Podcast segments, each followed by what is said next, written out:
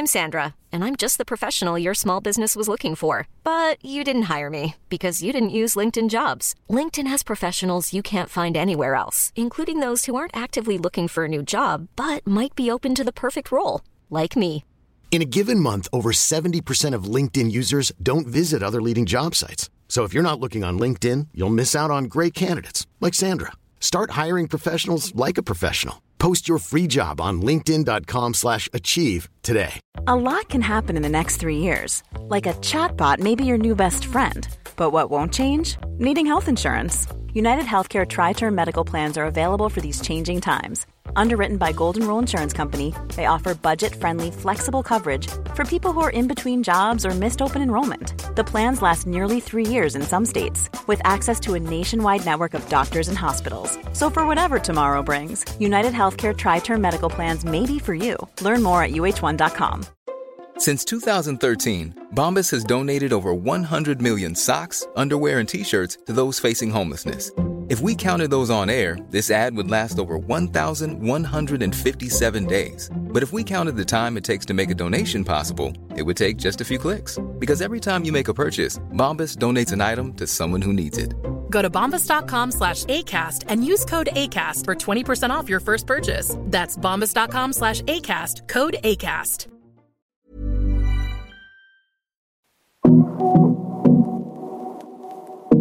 Hej och varmt välkommen till avsnitt 203 i Karriärpodden. Den här veckan gästas jag av Nasa Ninemachai, försäljningsdirektör och medlem i Microsoft Sveriges ledningsgrupp, där hon ansvarar för segmentet Small, Medium and Corporate. Där har hon varit sedan i början på året, då hon lämnade en lång och framgångsrik försäljnings och ledarkarriär på Dell. Nazanin är en passionerad affärskvinna och ledare som brinner för kundfokuserad och värderingsdriven försäljning och att skapa framgångsrika ledarskapsmetoder som bygger på mångfald. Det här blir ett samtal där vi får ta del av Nazanins resa och erfarenheter om hur hon har tagit sig fram som en av få kvinnor i it-branschen och vad hon tycker att vi ska göra för att det ska bli fler kvinnor som väljer det spåret och för att vi ska skapa en kultur för mångfald i framtidens företag genom ett modernt ledarskap. Vi pratar också om hur det är att vara en person som vågar ta plats, men också om hur hon fått perspektiv att våga visa sig sårbar och sluta säga ja till allt. Extra roligt är det för mig att få vara en av de första att gratulera Nazanin till plats nummer tre på listan över framtidens kvinnliga ledare i Sverige, som Sveriges chefsorganisation Ledarna utser varje år och som precis blivit offentliggjort. Innan vi kickar igång avsnittet vill jag passa på att rikta ett stort tack till vår samarbetspartner i Karriärpodden och Women for Leaders, Volkswagen Group Sverige. Tack för att ni tycker som vi och ser till att vi får fortsätta sända Karriärpodden och lyfta fram förebilder. Här kommer nu avsnitt 203 med min gäst Nazanin Nemachai. Jag heter Eva Ekedal.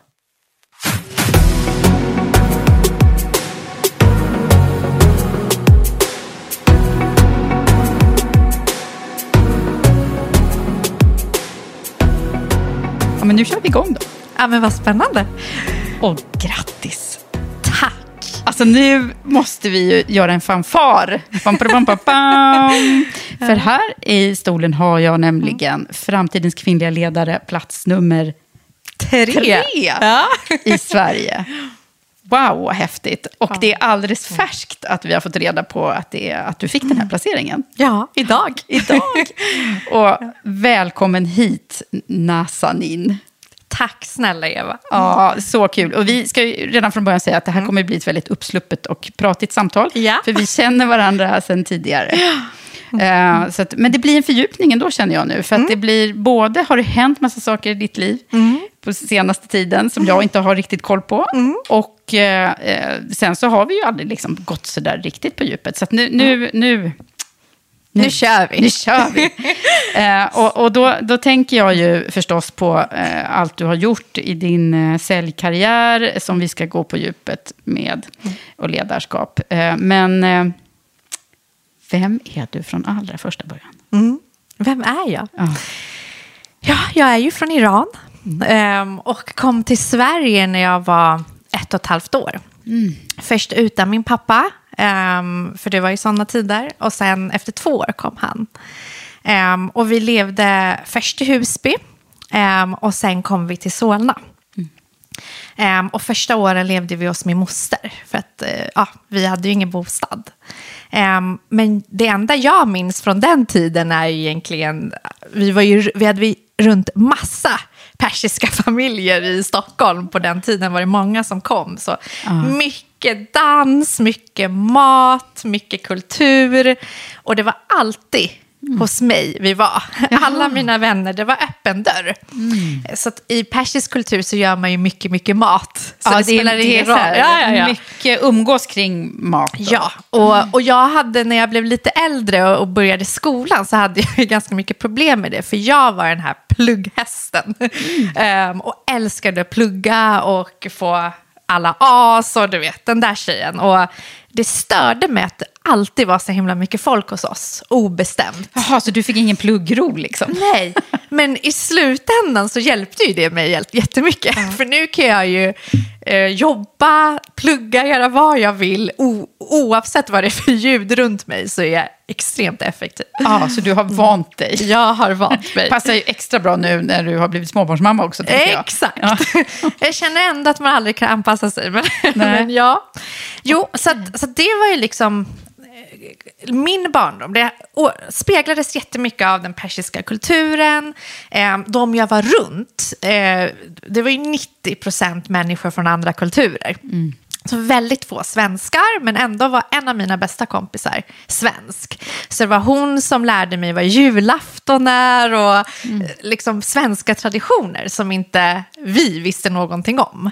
Ehm, så det var ju extremt kul att få uppleva julen och sådana saker som man bara såg på tv Mm. eh, genom henne. Men 90 procent av de andra var verkligen från andra kulturer. Och när vi växte upp så var ju en stor del av min vänkrets de som var de som man inte fick umgås med. Jaha, vilka då? De som inte pluggade, skolkade, Mm. rymde hemifrån, gjorde några av dem i sexan redan. och det var liksom mina närmsta vänner. Men det var någonstans en um, osagt regel att när Nazanin är med, då snor vi inget i affären, då dricker vi inte, då gör vi inte det här. De hade verkligen min rygg och det är fortfarande by the way några av mina närmsta vänner. Och vi gick liksom in i klassrummet. De gick längst bak, jag gick längst fram. Och sen när vi gick ut så lekte vi med varandra. Så att det var redan ganska konstigt att jag kunde hålla så hårt på att jag ville vara duktig i skolan. Men samtidigt var mina närmsta vänner de som gjorde allt bus. Ja. busgänget? Okej. Verkligen, och jag gick ut med dem, vi festade, vi gjorde allt. Men jag var, vaknade dagen efter klockan åtta på morgonen och pluggade. Så jag var extremt disciplinerad. Och det, Var kommer det här ifrån då? Det måste du ha reflekterat över nu, tänker jag. ja, men jag, jag tror verkligen att det kommer ifrån... Mina föräldrar lämnade någonting jättebra. För att komma hit och ha ingenting. Så vi hade inte mycket när vi växte upp, men vi hade extremt mycket kärlek, som jag sa. Mycket människor runt oss som ville oss väl. Så det som var extremt viktigt för min mamma och pappa var att vi att göra någonting av våra liv.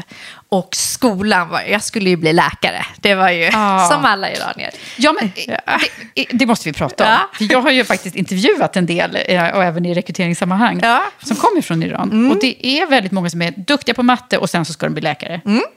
Exakt så.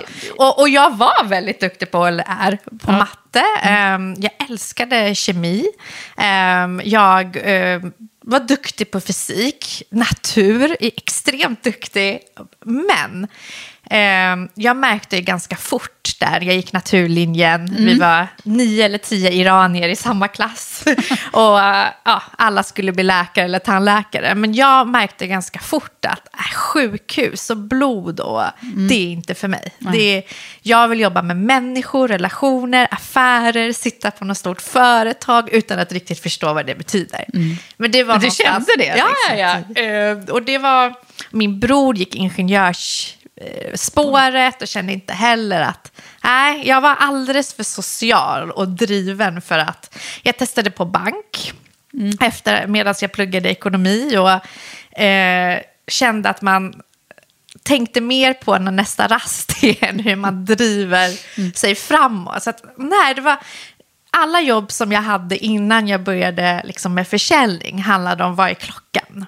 Eh, Och jag kände att jag lärde mig uppgiften extremt fort och sen kände jag att äh, vad är nästa steg? Ja, så ledsnade du. Väldigt otålig. Ehm, Det är också ett drag. Ja, det är ett, ett positivt och negativt drag hos mig.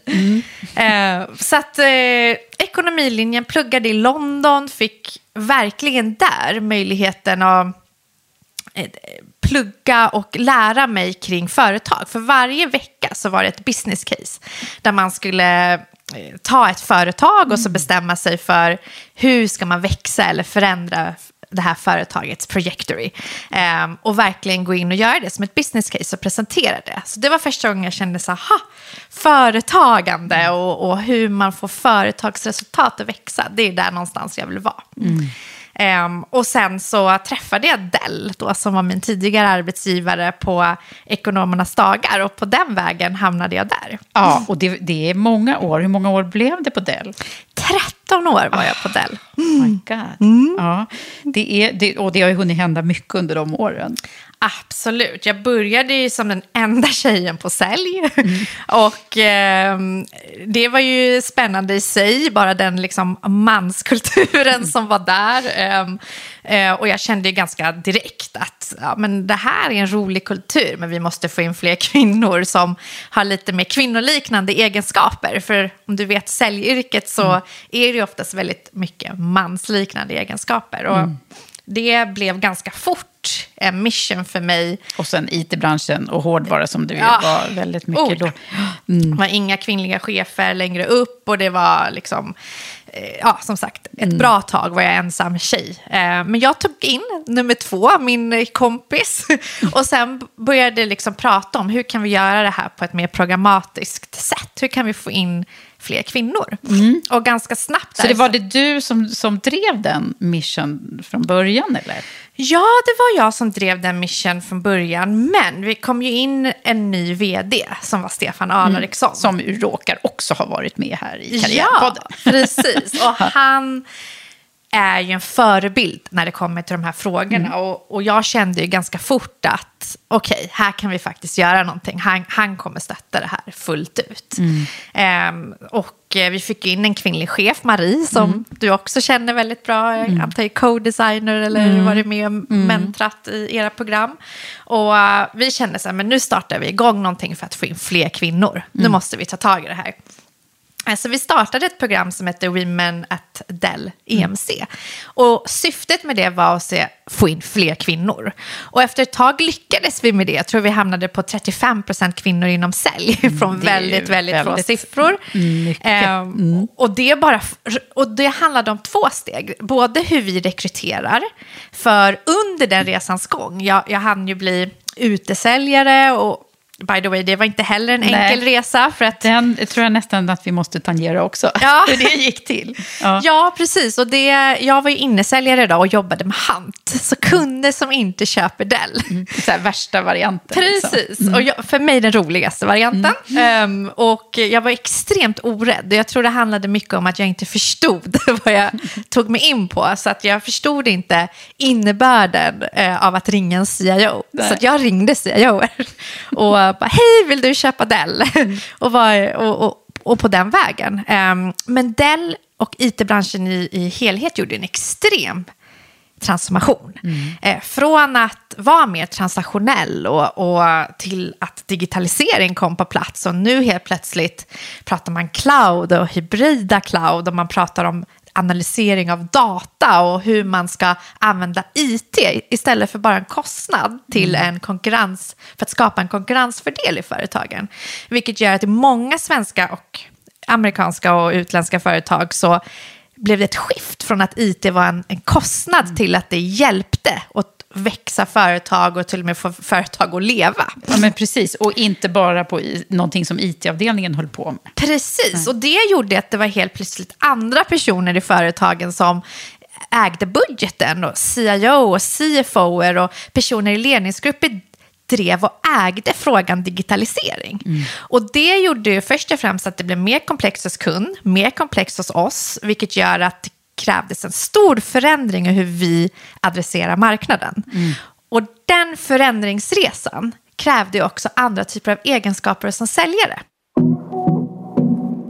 min starka sida var ju inte att vara tekniskt kunnig, utan min starka sida var ju att jag hade extremt besatthet av kunder och förstå mig på kunder, eh, se till att utmana kunderna med vad de tror är viktigt för att nå de här resultaten. Och sätta ihop rätt team hos oss och rätt team hos dem för att möjliggöra de resultaten.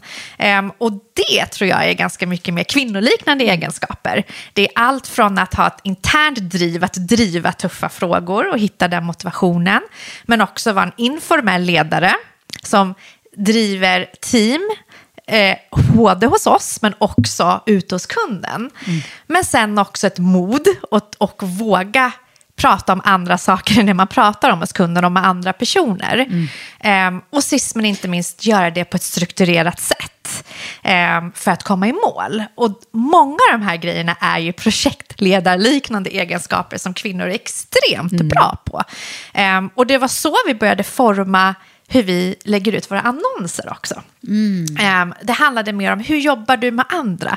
Hur kan du tillsammans med andra skapa ett resultat ute hos kunden och förstå dig på kundernas behov för att kunna hjälpa dem mm. nå ett resultat. Så det var så ni skrev rekryteringsannonser? Precis, mm. och, och, det var också när vi förklarade i våra intervjusprocesser att det var en säljarroll på Dell betyder, mm. gjorde ju också att andra typer av människor blev intresserade av de rollerna. Ja, och det var det som var framgångsfaktorn, att ni fick in så många nya kvinnor? Då.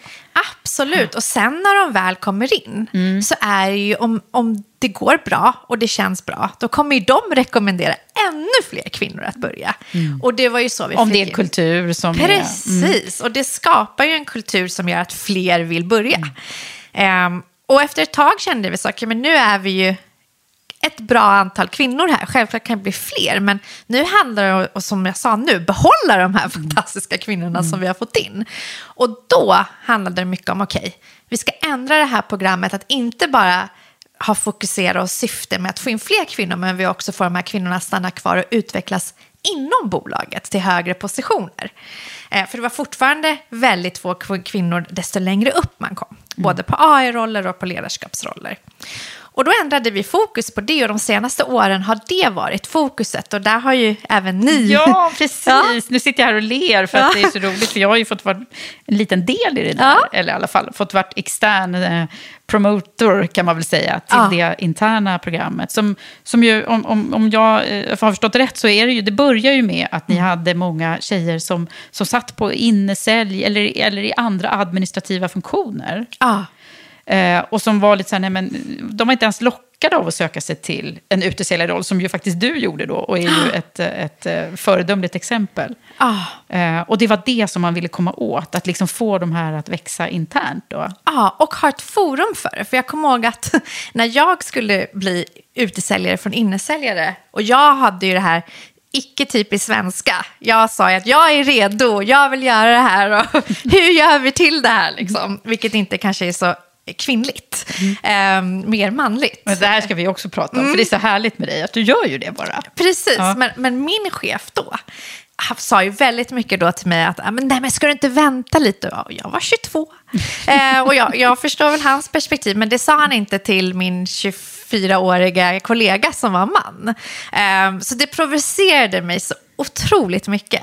Eh, eftersom jag hade gjort fantastiska resultat och vunnit extremt mycket kunder under de här tiden som jag hade varit innesäljare och varit med och bidragit och drivit projekt själv. Eh, så att jag såg ju till då att prata med andra typer av människor som vågade ta den chansen på mig. Mm. Och fick till slut en utesäljarroll.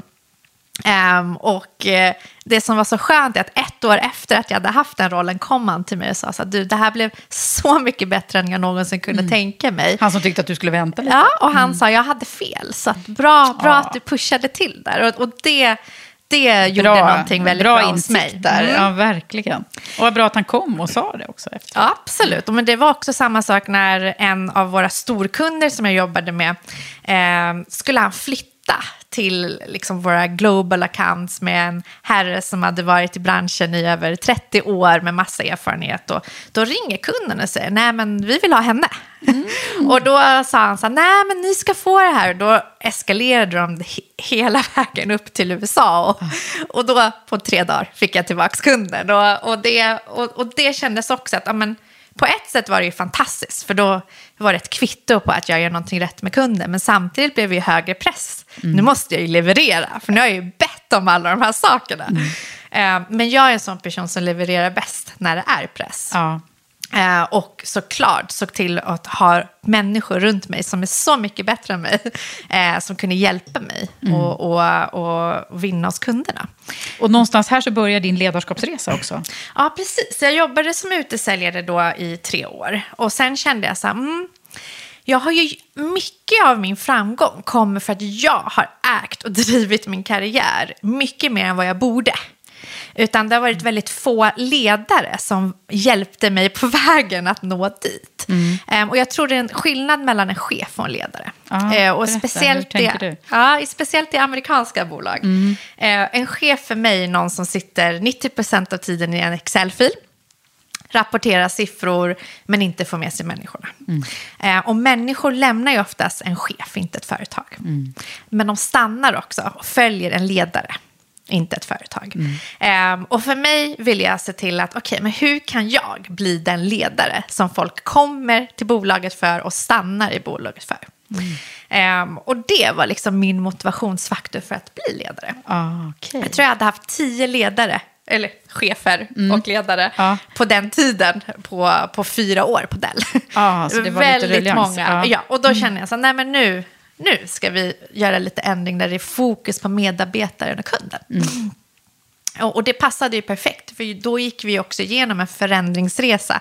Både ute i branschen i form av digitaliseringen som vi precis pratade om, men också en stor kulturskifte i bolaget. Eh, där vi gick ihop två företag och, och mm. verkligen där kundfokus och hur vi bygger en säljkultur hamnade längst upp, vilket var två saker som jag hade passion för. Mm. Um, och det passade mig väldigt bra. Mm. Ja, så då, vad hände då? Hur gick det till när du fick ditt första ledarjobb där då? Ja, så min första ledarjobb handlade ju om att Eh, ta hand om det här innesäljteamet. Och det var ju väldigt, väldigt speciellt för det var ju allt från de som driver publika kunder, de som driver de största globala kunderna med massa processer till det här handteamet som mm. kan som tänka utanför ramarna. Mm. Och, precis, så det var jättelärorikt att vara chef för ett, eller ledare ska jag säga, för mm. ett sånt team. Mm. Eh, för att kunna förstå mig på vad, hur kan man situationsanpassa sitt ledarskap baserat på vad de här olika individerna behöver? Vissa behöver ju driv, passion för att mm. hitta den här nästa kunden och en annan måste gå igenom en jättetuff process för att hjälpa en kund som Ericsson. Ja. Så att det, det, det var verkligen jättelärorikt för att jag på riktigt lärde mig hur man situationsanpassar och hur man individuellt hittar vad de olika individerna drivs och motiveras av. Mm. Um, men sen så fick jag ju möjlighet att uh, driva mitt och bygga upp egna handteam uh, med utesäljare och, och innesäljare. Men det roligaste av allt, det var när jag fick starta upp en helt ny organisation på Dell som hette Medium Business. Mm, den fanns inte innan liksom? Nej. Nej. Och det som var så kul med den eh, möjligheten var att vi pratade, vi hade det här kvinnoprogrammet, vi pratade extremt mycket om mångfald och, och, och inkludering. Mm. Men det här var första gången jag på riktigt fick testa det i TES och koppla det mot ett resultat. Det vill säga, jag fick ju anställa 23 personer. Jag, jag fick ju nu visa att, titta, man mm. kan bygga upp i it-branschen mm. ett team som är över 50% kvinnor, över 50% från andra olika kulturer, från olika erfarenheter bakgrundsmässigt, det vill säga Nåda hade pluggat ingenjörslinjen, Handels, inte pluggat alls, kom från Telia, Tele2. Mm. Det var verkligen en mix av människor och jag tror från 80 procent från olika kulturer än Sverige. Mm. Um, men slå ihop och både min kvinnliga chef, eh, både min chef och säljcoach var kvinnor. Ah. Och då skulle jag visa här nu, nu. det här teamet som kommer med olika typer av perspektiv, um, olika tankesätt, olika erfarenhet kan bygga en dynamik som skapar ett bättre resultat. Tillbaka till inkluderande ledarskap. Ja, mm. um, och vad hände? efter två år så var vi det bäst presterande landet i Western Europe. Ah. Och det här med 50% kvinnor, vi drev hant. Tillbaks till att liksom kvinnoliknande egenskaper.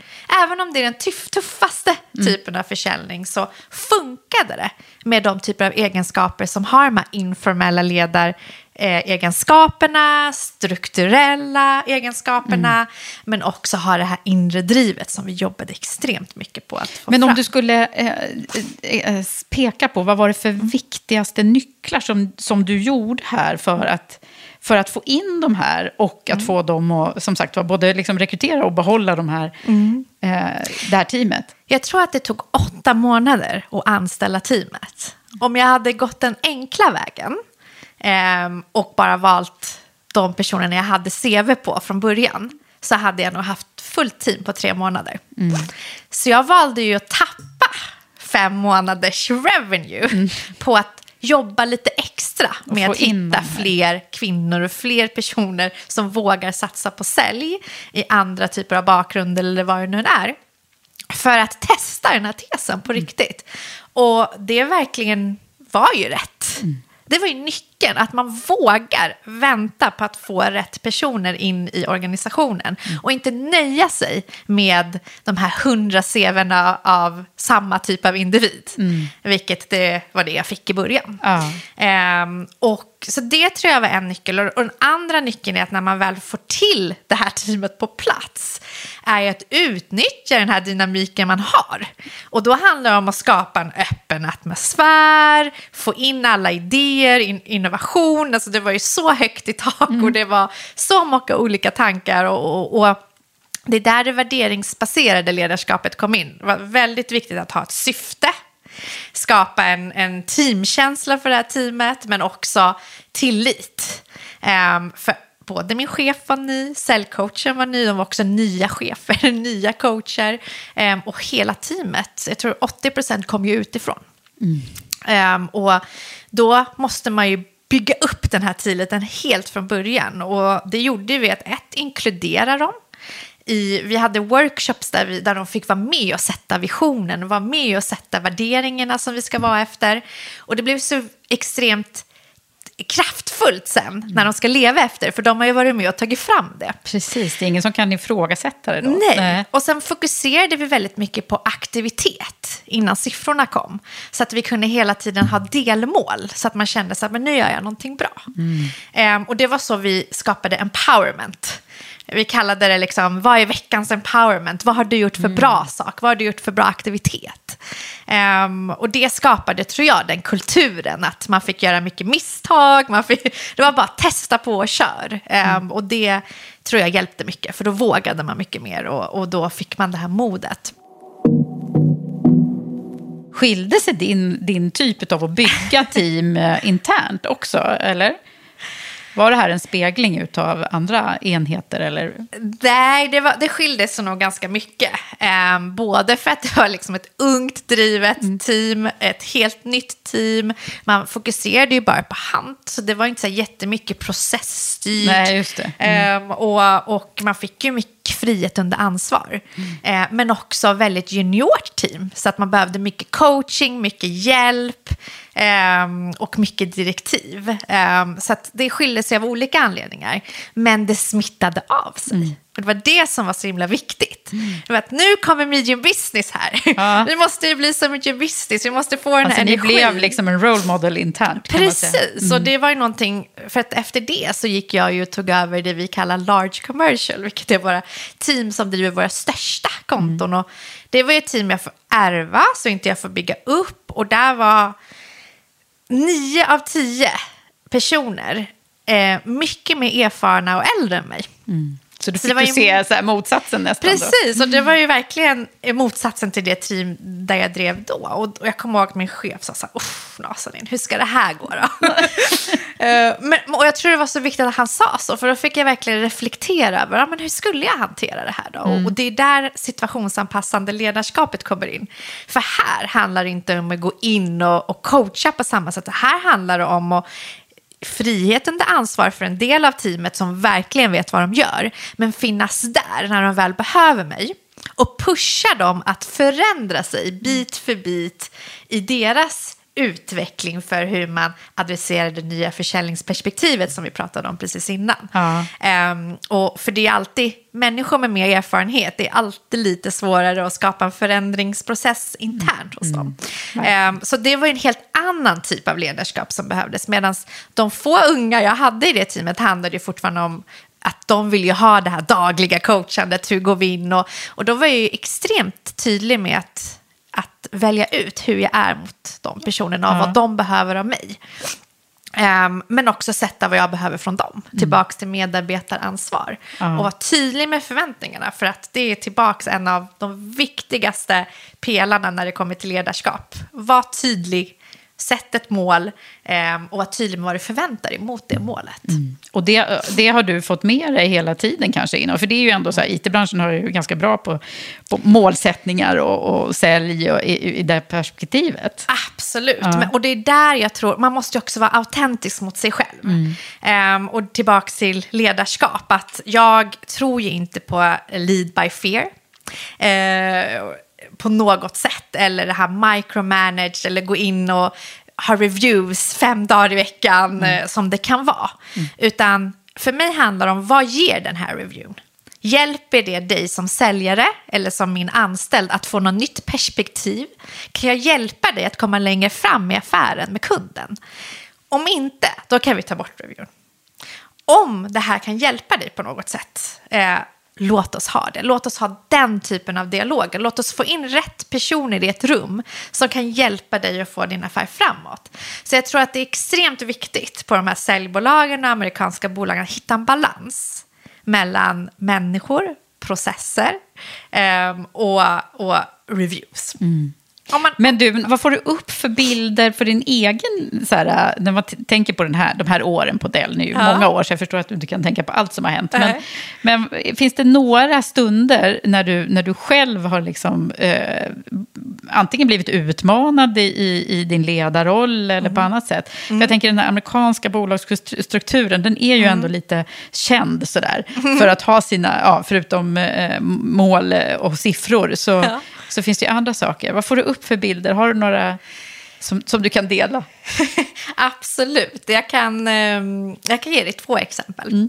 Det ena exemplet är ehm, när jag driver eh, det här medium business-teamet. Så jag har en tendens att ganska snabbt se vad som fungerar och inte fungerar. Ehm, vilket jag tror är en bra egenskap, eh, för då kan jag snabbt hjälpa till att skifta Eh, vilken riktning vi ska gå så att vi hamnar rätt. Och jag, var extrem, jag fick en extremt stark intuition att vi håller på att gå åt fel håll inom en visst område. Och vi måste ändra det här, annars kommer inte människor stanna kvar. Och, och vi, vi gör inte det här på rätt sätt. Ehm, och så tog jag upp det bland ehm, eh, en Western Europe-chef då som var fokuserad på just det här medium business-området. Eh, och hon var så här, nej, jag tänker inte göra sådär. Det, vi har bestämt oss. Och, då, och, och det där kan ju... Då kommer dig. jag igång. Ja. Det, det triggar mig. Det blir så här, allt som har med att göra någonting bättre för kunden eller för mina medarbetare, om jag tror på någonting starkt, då kommer jag inte släppa det. Jag tror extremt mycket på att man ska lägga fokus på saker man kan påverka. Så det är inte så att jag gör så med saker jag inte tror jag kan påverka. Men det här, var jag så här, det här är ju bara du som har bestämt det att vi inte kan påverka det. Det här är ju verkligen någonting vi har mandat att påverka lokalt. Varför ska vi inte göra det? Så nej, då, då, Då gick du i taket lite. Nej, Då gick jag till min chef och, och, och Stefan var ju väldigt duktig på att tygla mig där. Då. men, men då sa jag så det här funkar inte, vi måste göra någonting. Och då sa han så här, ta upp det på nästa Western Review. Och då gjorde jag det. Och då vår Western Europe-chef som var så himla, bara, men det är klart vi ska göra så, för inte det på plats. Ah, så du gick liksom en omväg kan man Alltså, säga? jag, eh, inte en omväg, utan jag gick egentligen över. Ah, okej. det, det var egentligen fel, jag gick ju över henne. Men, Ja. men jag kände så starkt att jag ville göra det. Och sen var det ju Och bara så klart. fick du igenom det. Mm. Så att man måste ju välja sina fighter. Men det här var viktigt Det för dig. här var en jätteviktig grej och det var ju faktiskt, det var också en av nyckelfaktorerna tror jag på. För det handlade om hur våra säljare mäts så att, att vi gör det på rätt sätt. Mm. Ehm, och det var en extremt viktig faktor för mig och jätteviktigt för mina medarbetare. Så att det var, nej, det var, Wow, ja, det var en, en, en så här moment. det var en moment. Och, och, och sen när jag var säljare eh, var det samma sak. Jag, apropå utmaningar, det var ju både en fördel och nackdel att vara en kvinna, ung kvinna i it-branschen. Det, det som var nackdelen att man hela tiden behövde hävda sig själv. Göra lite mer än alla andra för att vara lika bra. Ehm, ett exempel på det var ju när jag skulle söka den där rollen. Ett annat exempel var när jag skulle få kunden. Men ett tredje exempel är när jag då skulle till en kund. Jag skulle träffa, jag var extremt glad, hade åkt med en delegation från en kund till New York för att träffa deras CIO. Kommer in eh, dit till kunden och eh, de andra går och plockar kaffe. Och jag går in i det stora konferensrummet och där sitter CIOn på ett avlångt, långt bord som du kan se på filmer, ja. längst, längst vid hörnet. Och då går jag in i rummet och det första han säger är ursäkta, du är i fel rum, du kan gå ut. Så han tror ju att jag är någon typ av assistent eller någonting. Nej. Och det bara rinner svett på Ah. min rygg och jag må, blir jättenervös. Och då tänker jag så här, men jag har ju två alternativ här. Gå ut ur rummet men sen komma tillbaks in med den svenska delegationen. För det är ändå mig han ska träffa. Ja. För att diskutera strategin framåt med mellan våra företag. Eller så går jag bara fram nu. Och då säger jag så här, nej men nu gör jag det. Och då säger jag så här, nej, jag är i rätt rum. Och så gick jag hela vägen fram i det här bordet och satte mig bredvid honom. Och sa, hej, Nasan innan Machai. det är mig du ska träffa. Och han blev ju, alltså han var ju först extremt tuff mot mig. Men någonstans i mitten av mötet så märkte han att jag har ju superkoll på hans affär. Till och med lite mer koll på detaljerna än han.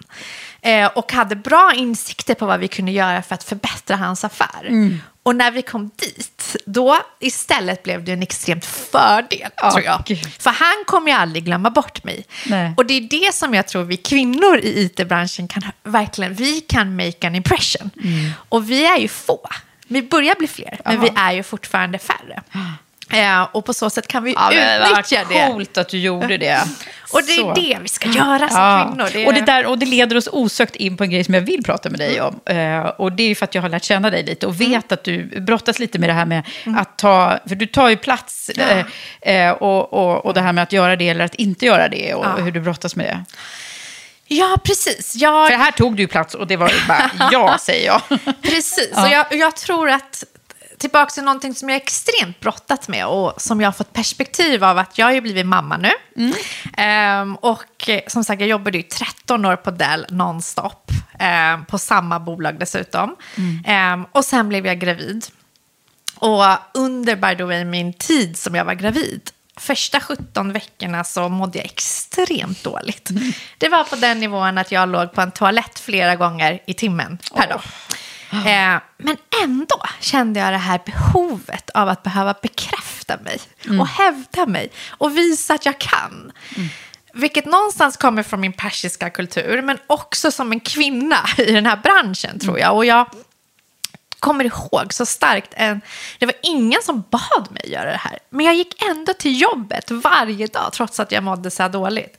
Ja, Ehm, det är ju helt det är otroligt. så sjukt nu när jag tänker tillbaka på det. Men jag kommer ihåg att jag satt i bilen på väg ner med en kollega och vi skulle göra en presentationsskillsutbildning mitt i det här. Och jag mår jättedåligt, kör bilen för om jag skulle sitta bredvid skulle jag bara spy.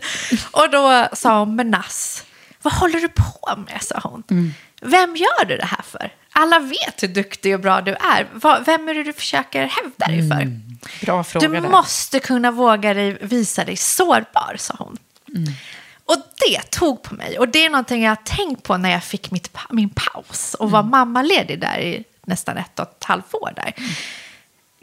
Gud, vilka perspektiv jag har fått. Varför la jag så mycket tid på så mycket onödigt?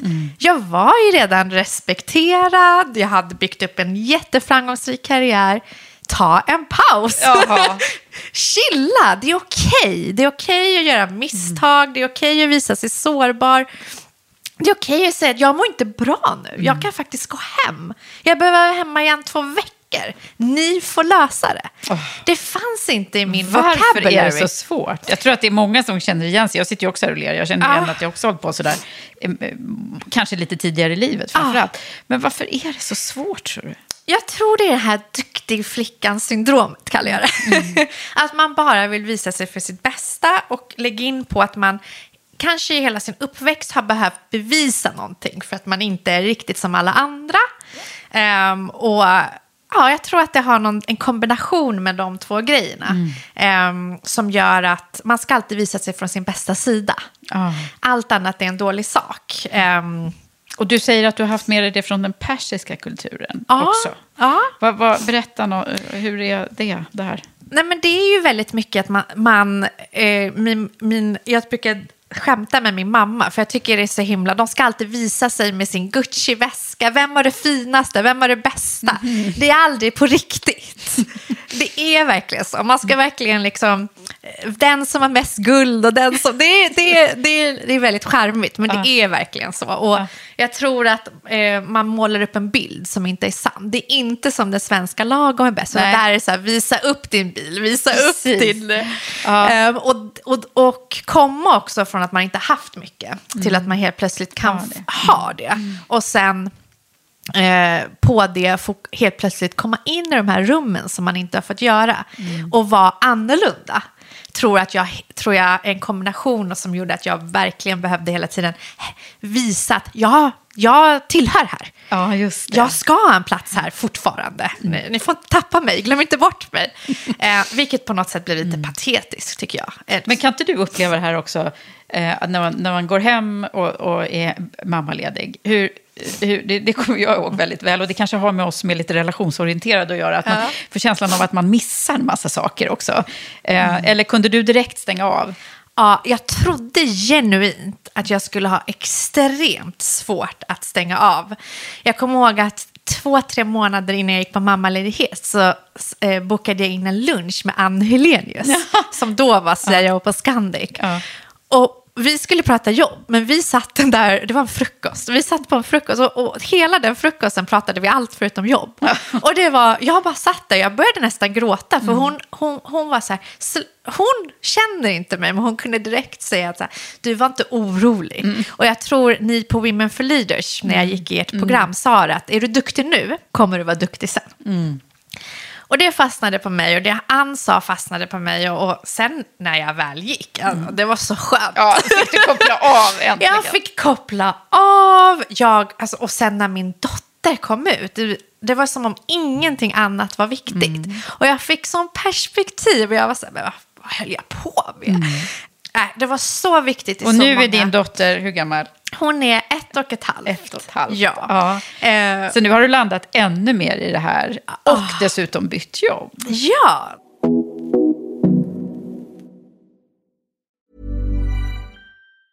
When you're ready to pop the question, the last thing you want to do is second guess the ring. At Bluenile.com, you can design a one of a kind ring with the ease and convenience of shopping online. Choose your diamond and setting. When you find the one, you'll get it delivered right to your door. Go to Bluenile.com and use promo code LISTEN to get $50 off your purchase of $500 or more. That's code LISTEN at Bluenile.com for $50 off your purchase. Bluenile.com code LISTEN. Many of us have those stubborn pounds that seem impossible to lose, no matter how good we eat or how hard we work out. My solution is PlushCare. PlushCare is a leading telehealth provider with doctors who are there for you day and night to partner with you in your weight loss journey. They can prescribe FDA-approved weight loss medications like Wagovi and Zepbound for those who qualify.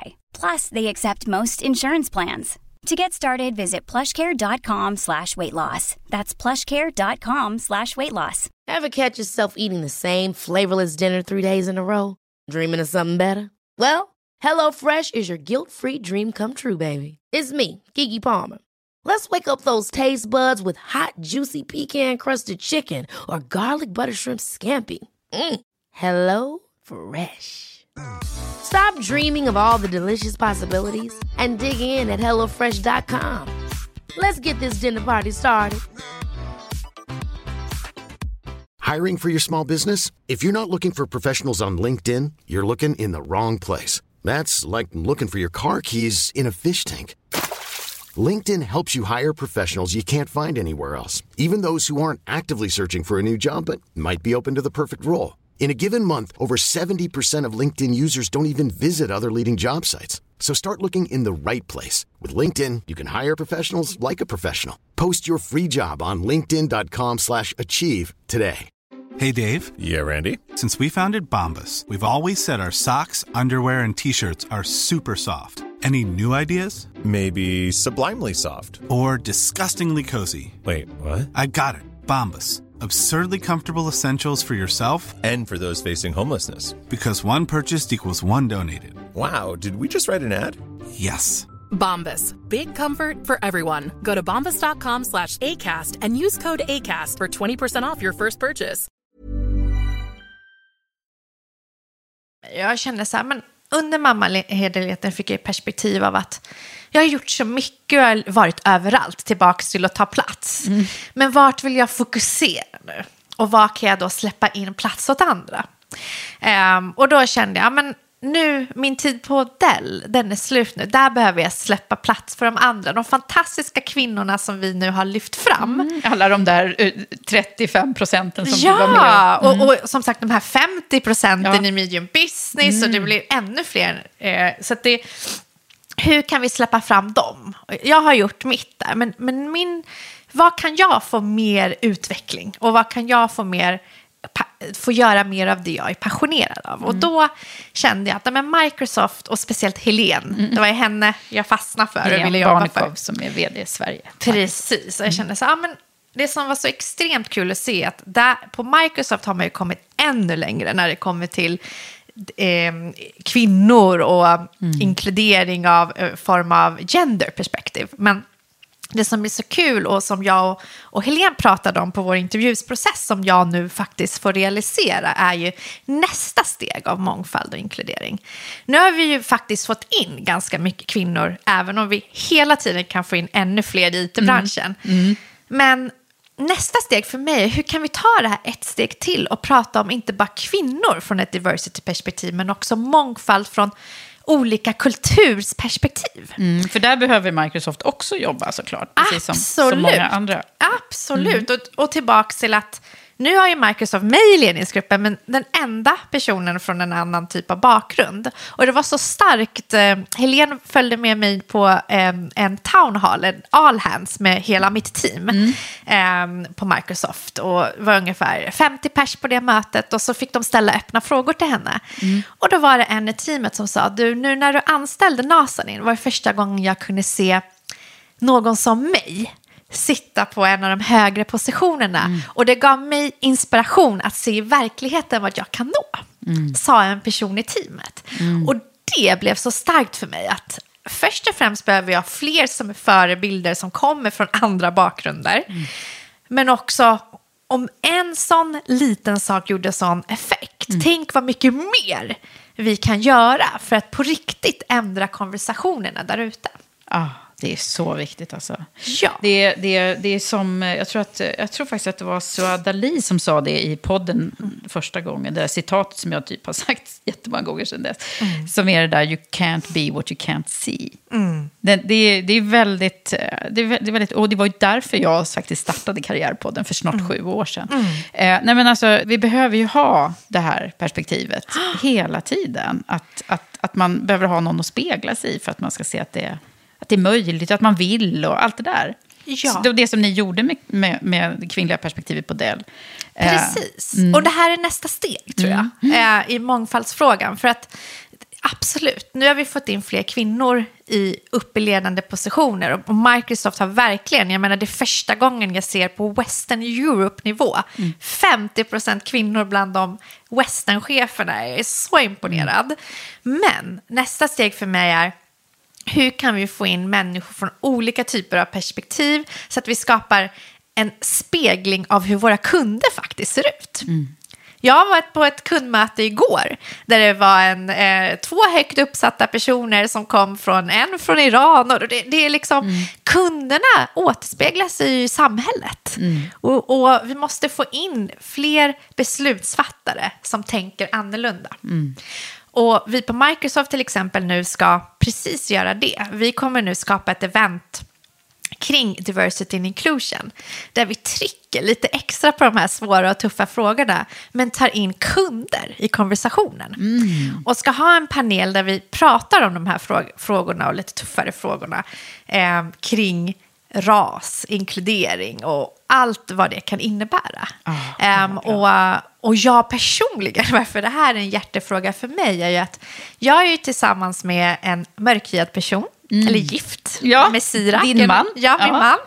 Och mitt barn är ju faktiskt halvmörk och halvsvensk, eller svensk, iranier, halvvit. Mm. Mm. Och en kompis till mig berättade när, när hennes barn nu var på förskolan förra veckan och någon hade sagt n-ordet mm. på förskolenivå till hennes barn. Ah.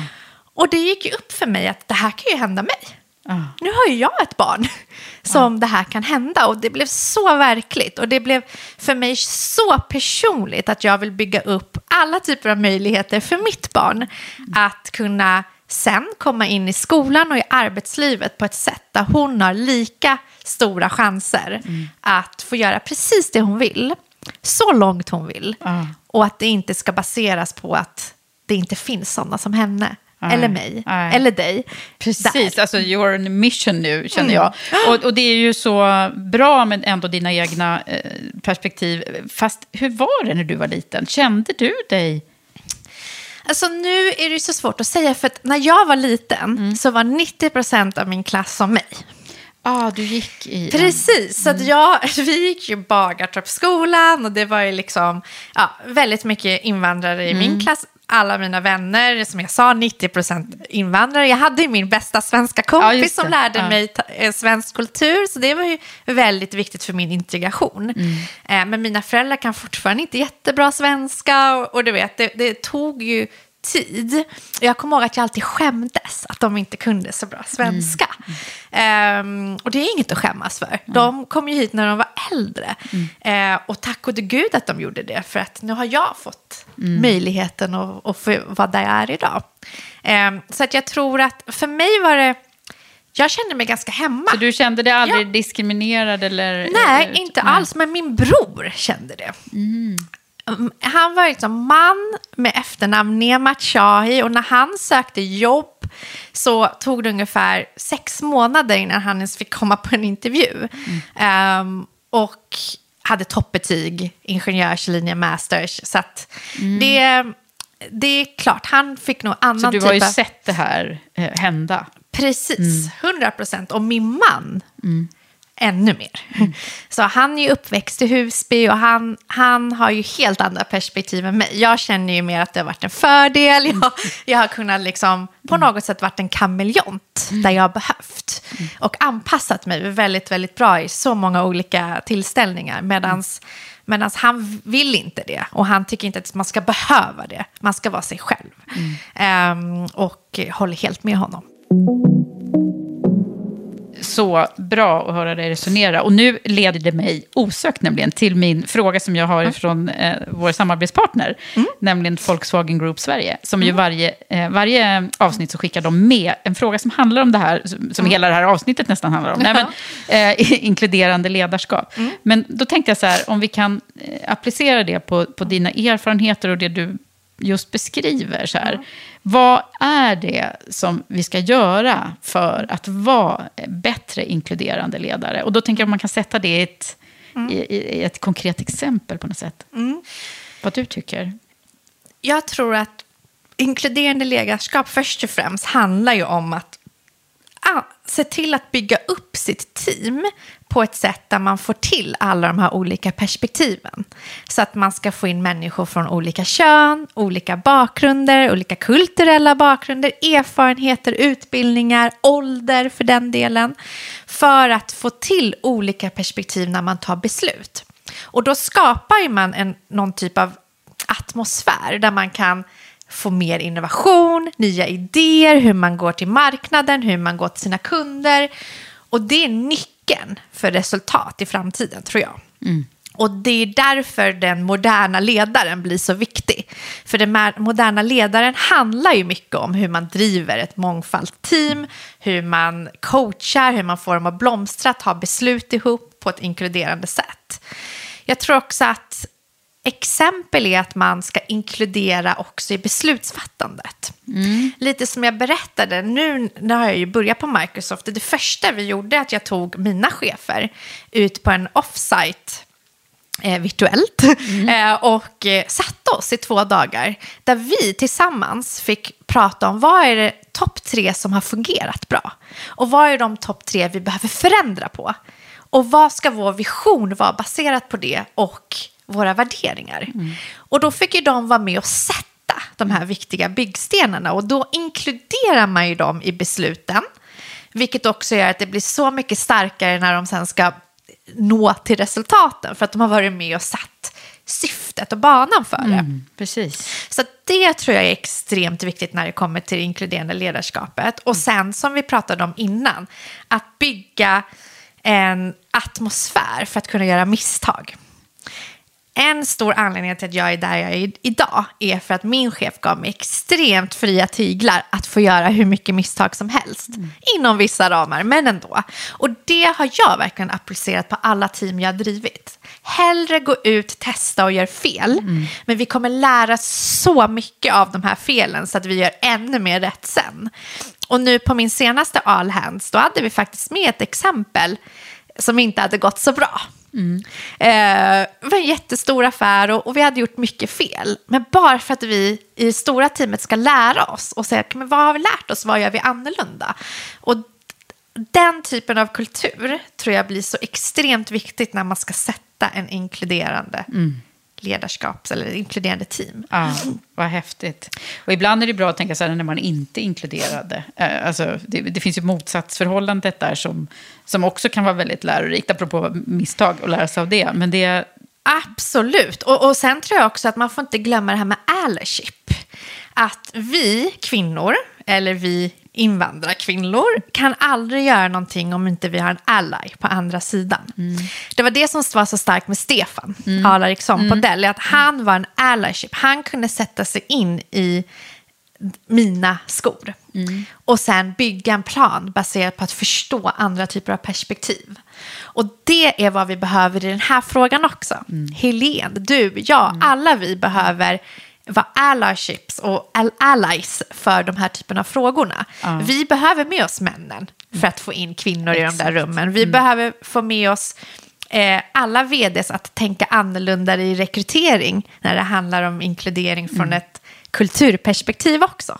Ehm, så att det... ja, men verkligen, jag håller med dig till 100 procent. Och dessutom är det ju så att vi måste få med oss kunderna också i det här. Alltså, eh, så det är ju det som är så intressant. Eh, jag, jag tror ju väldigt lite på det här eh, blame-kulturen. Eh, utan, men man måste ju öppna sitt sinne eh, helt och hållet och då måste ju alla göra det. Och, och precis, och då kan inte bara vi som vill göra, eller är en del av Nej. förändringen göra det, eller vi måste få med oss eh, problemet i förändringen. Precis, och det är därför det inte kan vara bara kvinnor som pratar om jämställdhet. Nej, liksom. exakt. Eh, eh, som, som ju vi stöter på en hel del. Och att, att det blir argare och argare kvinnor, det är liksom inte rätt väg. Mm. Eh, så att, ja, det, vi, vi är på det här nu, Ja. tycker jag. och, och sen tror jag i pandemins spår dessutom blir det inkluderande ledarskapet ännu viktigare. För nu ses vi inte längre på samma sätt, utan Nej. nu sitter vi där kanske ser varandra digitalt, men ibland inte och så gör vi 50 andra saker. Utan hur bygger vi upp fortfarande den här teamkänslan där alla känner att de kan säga vad de tycker, vad de tänker, eh, fast man inte är där i rummet. Ja, vad, vad säger du om det?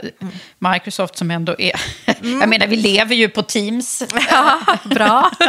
Fick vi till den. Eh, nej, men vad, vad, vad är det för någonting som du tänker att du kan göra för att vara inkluderande ledare, även fast det är digitalt? Alltså, och det är ju någonting jag håller på att lära mig också. Jag har till och med gjort ett misstag som jag kan dela med mig av. Ja. Och, och, och först och främst, det positiva har ju varit att man fortsätter hålla sådana där workshops som jag gjorde, fast det blev digitalt. Så att man inkluderar i de här frågorna som man annars kanske tänker, äh, det är ändå digitalt, så då gör vi det i ledningsgruppen själva eller något likt. Nej, nu är det ännu viktigare för att få med sig medarbetarna att fortsätta involvera när man pratar strategi, när man pratar om vad som ska förändras och vad man ska driva framåt. Men till exempel till och med jag har gjort ett misstag där som jag kan dela med mig. Eh, jag kom in på Microsoft och så såg jag ju ganska fort att men det här behöver vi förändra. Och då sa såklart Helena, ja, men sätt upp ett business case då. Jag håller med. Liksom. Ja, fantastiskt. Och då började jag ju på mitt business case. Och jag hade ju i två månader pratat och intervjuat personer i alla olika typer av roller, partners, kunder för att komma fram till vad jag tror behöver förändras. Så jag har tänkt att men nu har jag redan frågat massa personer och nu sätter jag mig och gör business caset. Men jag involverade inte min chef i skapandet av business caset. Och sen när jag hade skapat det så gick jag och sa så här är business caset, håller du med? Typ. Och sen så har det ju blivit så pass stort och intressant att nu vill man ju kanske börja realisera det här och ställa en massa frågor, hur ska vi göra? Och då kom han till mig faktiskt och sa, men du, du inkluderade ju inte mig i startarbetet. Så hur ska jag svara på de här frågorna? Och då sa jag så här, men gud, du ju helt rätt. Jag, jag tänkte typ att jag sparade han tid eftersom eh, ja, nu har jag ju redan frågat alla och gjort Ja, allt du har redan gjort allt så bra. Precis, men det är ju helt fel mindset. Det är självklart att jag skulle inkludera hans, att han känner att det här är ju hans. Det är ju sen han som får realisera det här och bygga upp det här teamet med mig. Ja. Och det är klart han inte kommer känna sig lika passionerad i det om inte han har varit med och byggt caset. Nej, precis. Så det, det Bra, jag ju- bra exempel Ja. på det här med inkludering kan ju vara åt alla håll verkligen. Ja, verkligen. Så det, jag gör ju fortfarande misstag i de här, även om jag är stor förespråkare för. Vilket för mig säger att det är så viktigt för oss alla att hela tiden tänka till. Ehm, extremt viktigt att tänka till. Ja, men jag tänker nu på alla de här digitala mötena som vi ju sitter i, allihopa. Och jag, du vet ju att jag jobbar ju mycket med workshops och, och, och så, och grupputveckling och så. Men, och, och jag har försökt att liksom ta in de här delarna. Men det är ju som att det är, det, den där skärmen är ju på något sätt i vägen. Men, men det går att göra, det går att göra, det går att bygga tillit eh, Ja. via, via skärmen. Och det går att skapa feedback-loopar och allt möjligt. Men det, det kräver ju att man verkligen tar sig tid och, och kraft att göra det, eller hur? Och tillbaka till det här med sårbarhet. Då kanske det är ännu viktigare nu att visa empati och visa sin sårbarhet och kanske öppna upp sig först. Precis som ni gjorde i Women for Leaders. Du satte ju banan när du öppnade upp om din resa eh, som gjorde att vi andra ville öppna upp. Och det tror jag det skiner igenom oavsett om det är digitalt eller live. Eh, men det blir ännu viktigare att göra när det är digitalt. Ja. Men du, om jag ska fråga hur du mår då, eller det skulle jag vilja göra faktiskt. nu när du eh, är i det här att du eh, är tillbaka i jobbet fast du har lilla Noelia Ja. hemma.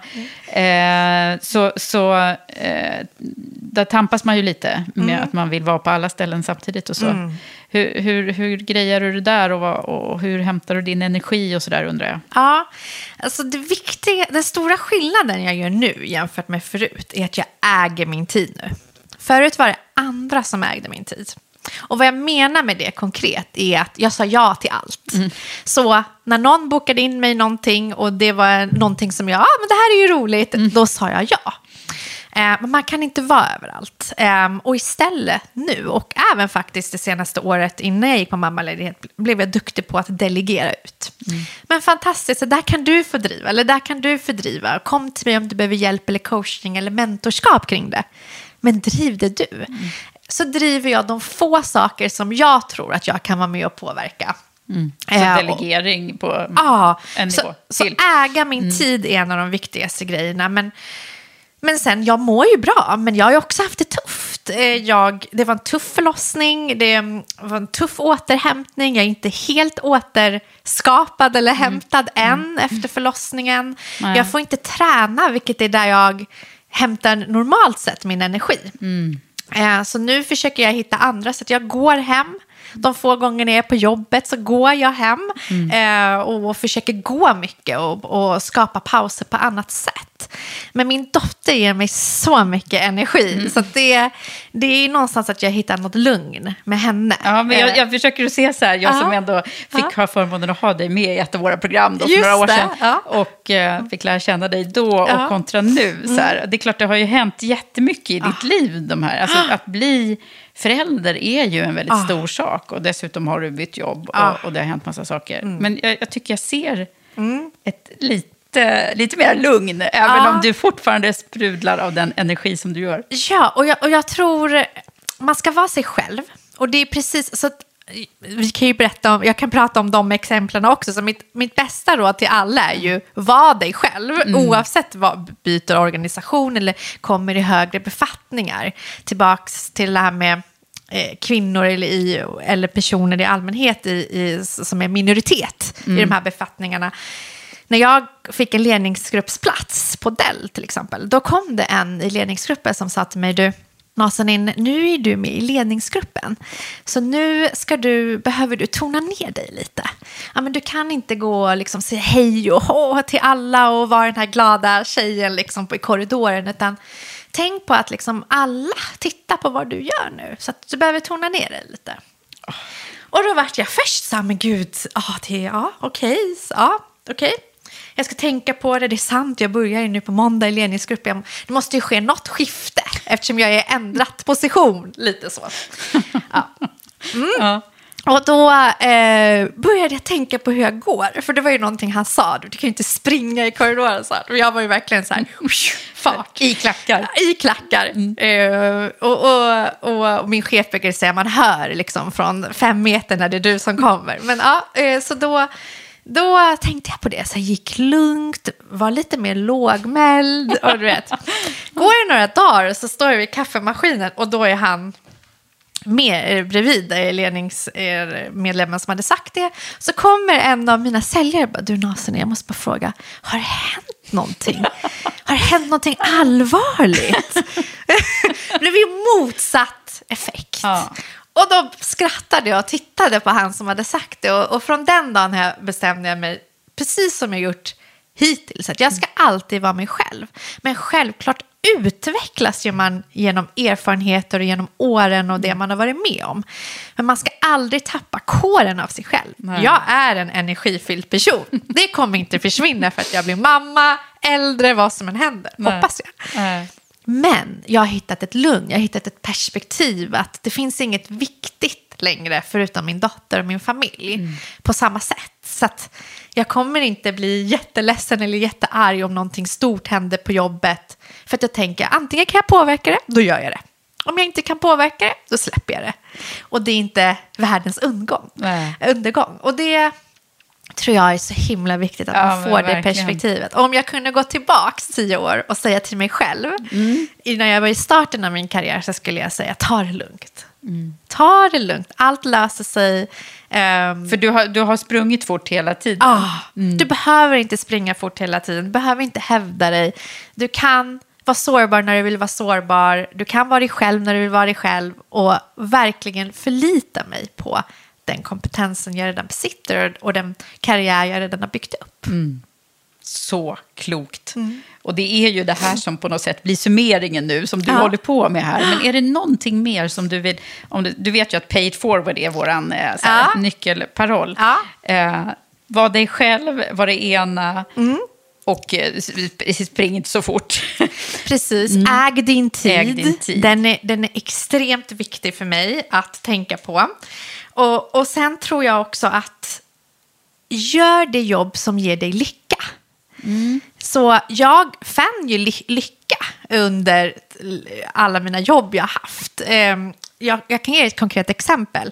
Jag fick en, en möjlighet att ta en direktörsroll redan innan jag eh, fick driva medium business. Alltså det skulle vara tre år innan jag nu har fått min direktörsroll ehm, inom det vi kallar Dell Financial Services, alltså banksidan. Ja, ja. Och då kunde, satt jag ner och reflekterade extremt mycket. Men vad är det som driver och motiverar mig? Vad är det jag kommer finna lycka av? Och då kände jag, ja, jag vill ju bli direktör och det skulle jag ju få bli där.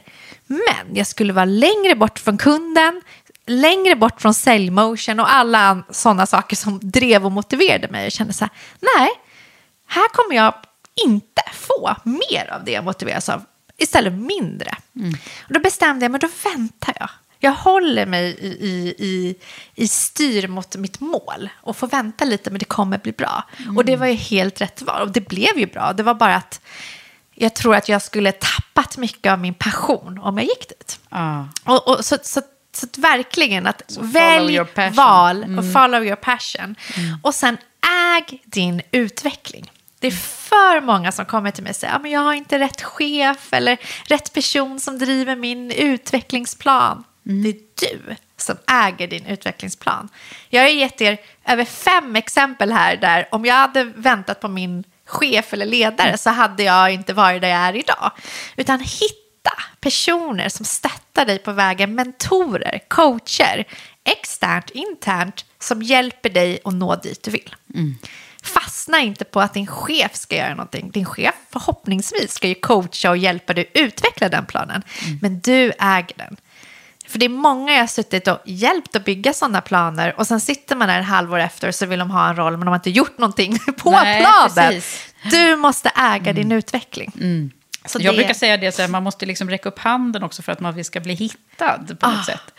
Eh, exakt, mm. det är också, men, eh, och, och, företag som har bra ledare, ja, men de kommer ju hitta de här personerna själv och, och lyfta dem och hjälpa mm. dem framåt. Men du kan inte förlita dig på det. Nej. Och sen det sista tipset som, eh, ja, förutom att vara genuin, som vi har pratat om, mm. är att fokusera på det du kan påverka. Mm. För det finns så många företag som där processerna, du kommer aldrig kunna, du kommer bli bitter om du lägger tillräckligt med energi på saker som du ändå aldrig kommer påverka eller om du påverkar så har det inte så stor effekt på det vi vill uppnå. Så ta, välj dina fighter och fokusera på det du kan påverka och som ger bäst effekt. Det mm. tror jag. Det har ju lett dit där jag är idag. Mm. Och ja, det tror jag. Och, och sen sista punkten tror jag, det handlar om att bygga ditt brand. Jag tror inte att jag är på något sätt bättre, eller det finns nog många andra som är bättre och kan leda teams och allt annat än mig. Men jag var duktig på att bygga ditt brand kring det. Eh, på det som jag är bra på, för det är väldigt många som i sina utvecklingsplaner fokuserar på det de är dåliga på. Men jag fokuserade på två saker som jag måste bli bättre på för att nå dit jag vill. Men sen fem saker på att förstärka det som jag redan är bra på. Mm. Eh, för att bygga mitt och stärka mitt brand. Och det tror jag blir så mycket viktigare nu när det blir fler och fler där ute som gör samma saker och, och man ska i allt brus någonstans sticka ut. Ja. Um, och så det har du egentligen haft med dig redan tidigt? Att, väldigt, väldigt tidigt. Och eh, nu när vi till exempel börjar bli fler kvinnor i it-branschen, då blir det ju svårare att sticka ut för att vi blir fler. För, förut var det ju, på min tid var det mm. en enda, så jag stack, om jag gjorde något bra stack jag ut. Mm. Men nu blir det ju svårare och då blir det extremt mer viktigt att jobba på sitt brand. Ja. Och ett konkret exempel hur jag gör med mitt team är att jag, förutom att fråga feedback på de som du jobbar med för att se hur tycker de om ditt brand, så frågar jag människor som inte jobbar så nära dig alls. För att se hur ser människor på dig? Mm. För, samla feedback. Samla feedback, mm. men både från människor som är nära dig som är lite långt ifrån dig för att förstå din brand impression. Mm. Och det är så himla värdefullt. För jag kommer ihåg att jag satt med en medarbetare där de nära sa så himla fantastiska saker om henne. Och de långt sa basically, ja men medelbra, jag vet inte om hon är så duktig på försäljning. Så någonstans hade vi ju misslyckats med att få ut det fantastiska bra hon gör med sitt nära team mm. till en större, eh, bredare publik. Ja. Och då bestämde vi att fokusera på det i hennes utvecklingsplan. Så då fick ju hon vara med och presentera på två allstaff kring två kundcase och massa saker som förstärkte synlig, liksom. inom Eller? de mm. områdena som de sa att hon var medel på. Mm. Så det är extremt viktigt att, att, att fokusera på och, och ta in feedback för att bygga sitt brand. Det tror jag är jätteviktigt. Ja. Så bra. Och ditt brand är ju hur grymt som helst. Och speciellt efter det här härliga avsnittet. Och eh, grattis igen till eh, tredjeplatsen Framtidens kvinnliga ledare i Sverige. Tack snälla. Det ska bli så roligt att fortsätta Ja. följa dig. Janine. Hoppas att du gillade det här avsnittet. Stort tack till dig som har lyssnat på mig och min gäst Nazanin Nemachai.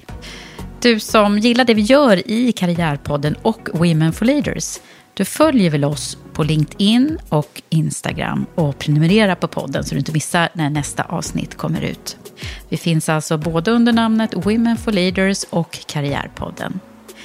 Jag vill också slå ett extra slag för EQ Executive Search, searchbolaget som rekryterar moderna ledare till ledningsgrupper och styrelser med ledorden EQ och Equality.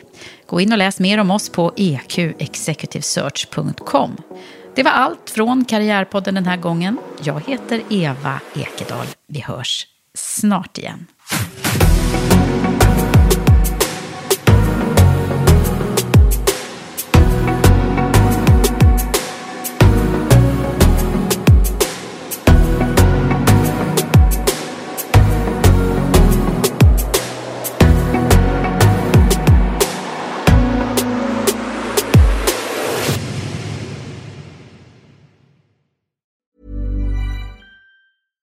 Ever catch yourself eating the same flavorless dinner three days in a row? Dreaming of something better? Well, HelloFresh is your guilt-free dream come true, baby. It's me, Kiki Palmer. Let's wake up those taste buds with hot, juicy pecan-crusted chicken or garlic butter shrimp scampi. Mm. Hello Fresh. Stop dreaming of all the delicious possibilities and dig in at HelloFresh.com. Let's get this dinner party started.